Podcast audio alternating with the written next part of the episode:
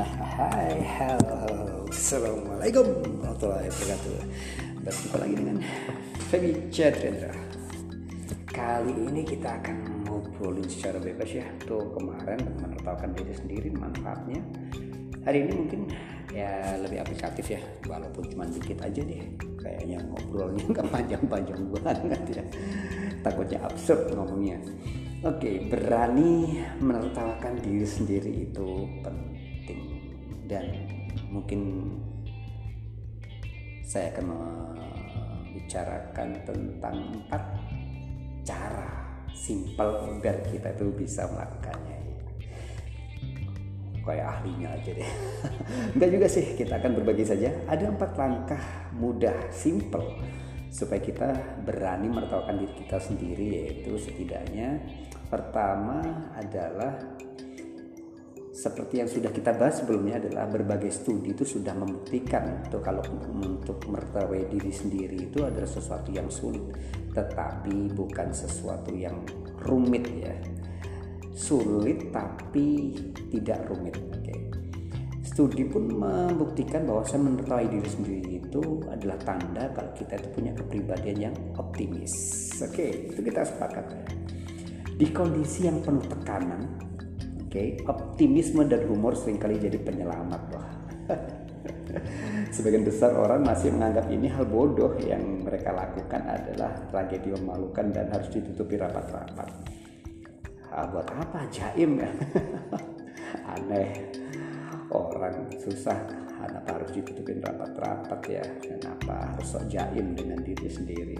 Sementara hal itu adalah sesuatu yang dianggap oleh sebagian orang mungkin perlu yang jaim kalau saya no lah ya.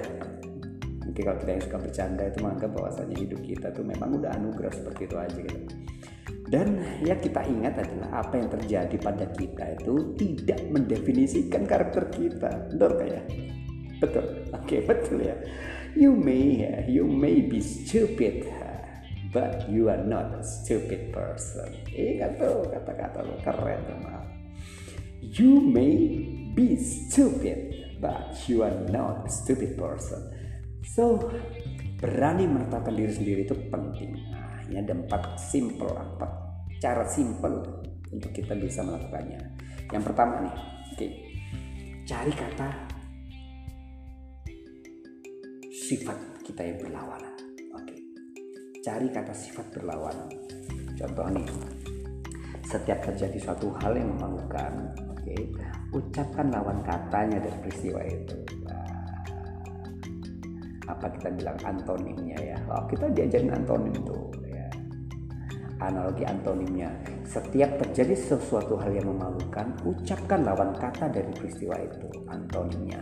Misalnya nih, kita sudah melakukan hal yang bodoh, ucapkan saja pinter atau cerdas. Nah, ini menghibur sedikit lah. Kemudian perbedaan kontras antara yang kita rasakan, yang kita katakan, itu akan menciptakan sebuah ironi, majas ya, majas ironi dalam diri kita yang biasanya akan membuat kita itu tertawa. Kadang kita tertawa terpingkal-pingkal menertawakan diri sendiri karena merasakan hal itu sangat bertentangan di dalam diri kita sendiri. Kayak bukan diri kita ya bercermin kayak bukan diri kita. Betapa lucu dan absurd ya kadang-kadang menertawakan absurdan kita Kemudian yang kedua adalah belajar menjadi penonton. Nah, bayangkan saja kalau kejadian bodoh itu terjadi pada orang lain, apakah kita juga akan menertawainya? Bisa nggak, bro, sis? Kalau kejadian bodoh itu terjadi pada orang lain, apakah kita juga akan menertawainya, bro and sis?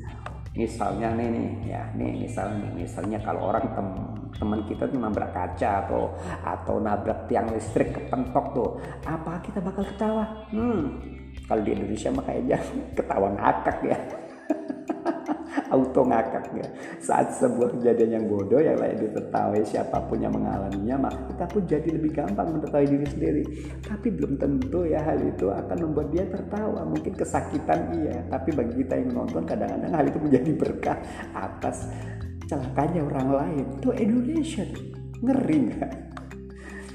Kemudian yang ketiga adalah perilaku berlawanan. Oke, perilaku yang berlawanan. Ide ini adalah contoh yang dicetuskan oleh komik ya sekarang uh, menangkap tentang terapis psikologis asal Amerika itu namanya David Grenier. Oke, namanya David Grenier. Kita ambil contoh kebiasaan yang kita anggap negatif dan pikirkan betapa kita sangat menyukai contoh kita gendut kita mengatakan diri kita kurus cuman kurus yang mendapatkan berkah menjadi gemuk. Itu ada perilaku berlawanan. Kemudian contohnya ada lagi. Kita selalu merasa konyol saat lupa bawa sesuatu yang penting alias pikun. Nah kita akan memaklumi diri kita lebih memaklumi kita daripada memaklumi orang orang lain. Maka kita akan mencintai diri kita sendiri sebelum mencintai orang lain dulu maka kita akan bisa membahagiakan orang lain sebelum kita membahagiakan diri sendiri. Kemudian menerima ketidaksempurnaan adalah ya yang keempat itu menerima ketidaksempurnaan. Setiap orang biasanya punya satu aspek dalam hidupnya yang tidak dia sukai. Seorang humoris terkenal dari Amerika Jane Robertson pernah berkata, kita nggak akan pernah bisa menyukai diri sendiri sampai kita bisa menerima ketidaksempurnaan kita yang tidak bisa kita rubah. Saat kita sudah menerima kalau tubuh mungil kita ini nggak bisa tinggi langsing seperti model keren di Instagram misalnya, kita nggak akan lagi tersinggung saat dibilang bertubuh pede atau kecil. Sebaliknya, kita bisa menertawanya dengan leluasa. Oke, mungkin itu saja ya yang bisa saya sampaikan.